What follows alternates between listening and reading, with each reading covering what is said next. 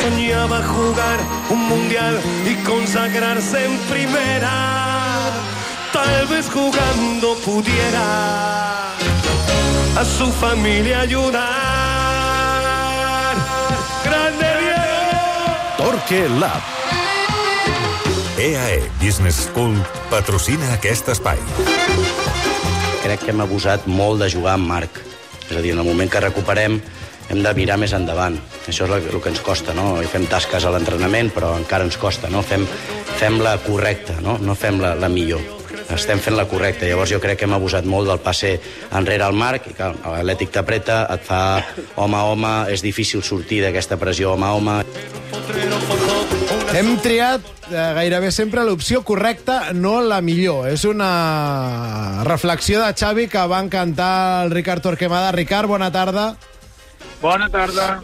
I una reflexió que no sé si explicaria el que intentarem explicar en el Torquelab d'avui, que és el perquè dels problemes del Barça en la sortida de la pressió de l'Atlètic de Madrid quan aquesta va fer el pas endavant a partir del minut 25, eh, mitja hora. Eh, eh, és per això? Perquè els jugadors prenen eh, decisions més segures que no pas agosarades, atrevides, eh, audaces? Jo crec que hi ha dues fases en la sortida, no? El primer que Simeone estira la pressió per individualitzar, per fer home a home. Quan hi ha home a home no hi ha línia de passada i això obliga a jugar directe intentar aprofitar el 3 contra 3 que deixava l'Atlètic al darrere, a vegades un 4 contra 3. Si hi havia 4 contra 3 volia dir que el Barça tenia un home lliure, si hi havia 3 contra 3 era una, una pressió eh, absolutament individual. I aquí costa molt trobar passades. Però jo crec que Arxavi referia més a quan superava la primera línia de pressió amb una passada llarga i guanyaves una segona pilota o perquè sorties amb alguna conducció i generaves un avantatge. A partir d'aquí eh, jo crec que amb el 0-1 l'equip eh, pren menys riscos.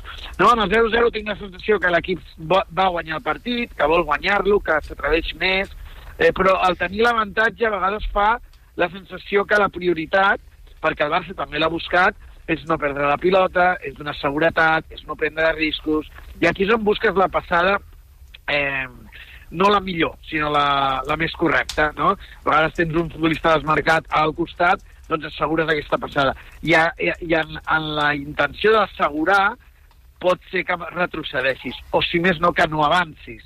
I si no avances, el camp es fa més petit, quan perds la pilota ets de camp propi, i es genera una cadena, que és el que jo crec que el Xavi explicava, que finalment moltes accions acabaven en Ter Stegen, que és l'opció més segura, perquè és l'únic jugador que no té cap marcatge individual, que està lliure. Mm. Uh, per, per, futurs, per futurs escenaris similars, que n'hi haurà, equips que s'atreviran a anar a buscar el Barça més amunt, eh, a fer-li pressió home a home, hi ha, hi ha alternatives? Hi ha, hi ha algun camí que, que t'ajudi a sortir del darrere amb més comoditat eh, del que el Barça ho va fer a partir de la mitja hora?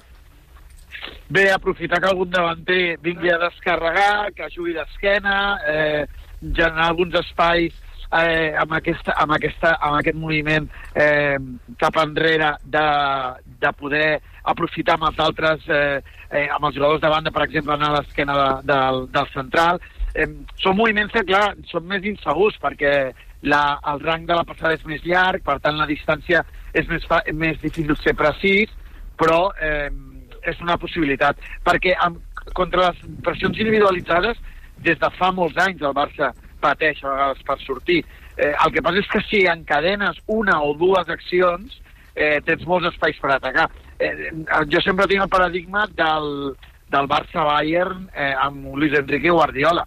Eh, el, el Bayern pressiona molt a dalt i el Barça encadena alguna acció de Pantina Suárez eh, va a l'espai Messi o Pantina Messi i va a l'espai Suárez i cada acció que en aquest cas té èxit és una oportunitat de gol. Però mentrestant eh, corres el risc d'encallar-te en la sortida i de no saber eh, trobar el punt d'equilibri entre la conservació i no perdre profunditat. A vegades, quan vols conservar i perds profunditat, el que vas fent és reduint-te els espais de maniobra, eh, convides a que el rival es vagi animant, que et recuperi la pilota més a prop de la teva porteria, i això mentalment també pesa. Mm. Acabo, Ricard, i et demano brevetat perquè em falta un minut per, la, per les 8. Uh, parlaves del davanter que ve a descarregar, que seria la figura de Lewandowski que ahir no tenies. Potser penso també en el lateral dret pur que no és Condé, que en defensa ja hem explicat abans que t'ajuda molt, però que sortint segurament perds un, un referent. Per qui podrien passar solucions per, perquè el Barça surti millor?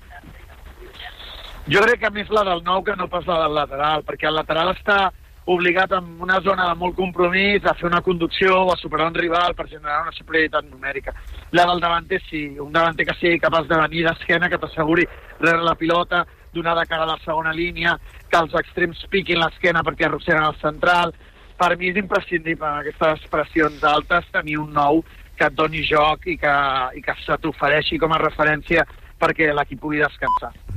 Doncs el Barça, que fins i tot amb quatre migcampistes com jugava ahir va tenir problemes quan l'Atlètic de Madrid el va pressionar i avui hem intentat eh, buscar els perquès i possibles solucions de cara al futur i ho hem fet en una versió escurçada i accidentada del Torquelab. Ricard, eh, felicitats per haver recuperat el telèfon i bon viatge a Aràbia Saudita. Gràcies, adeu.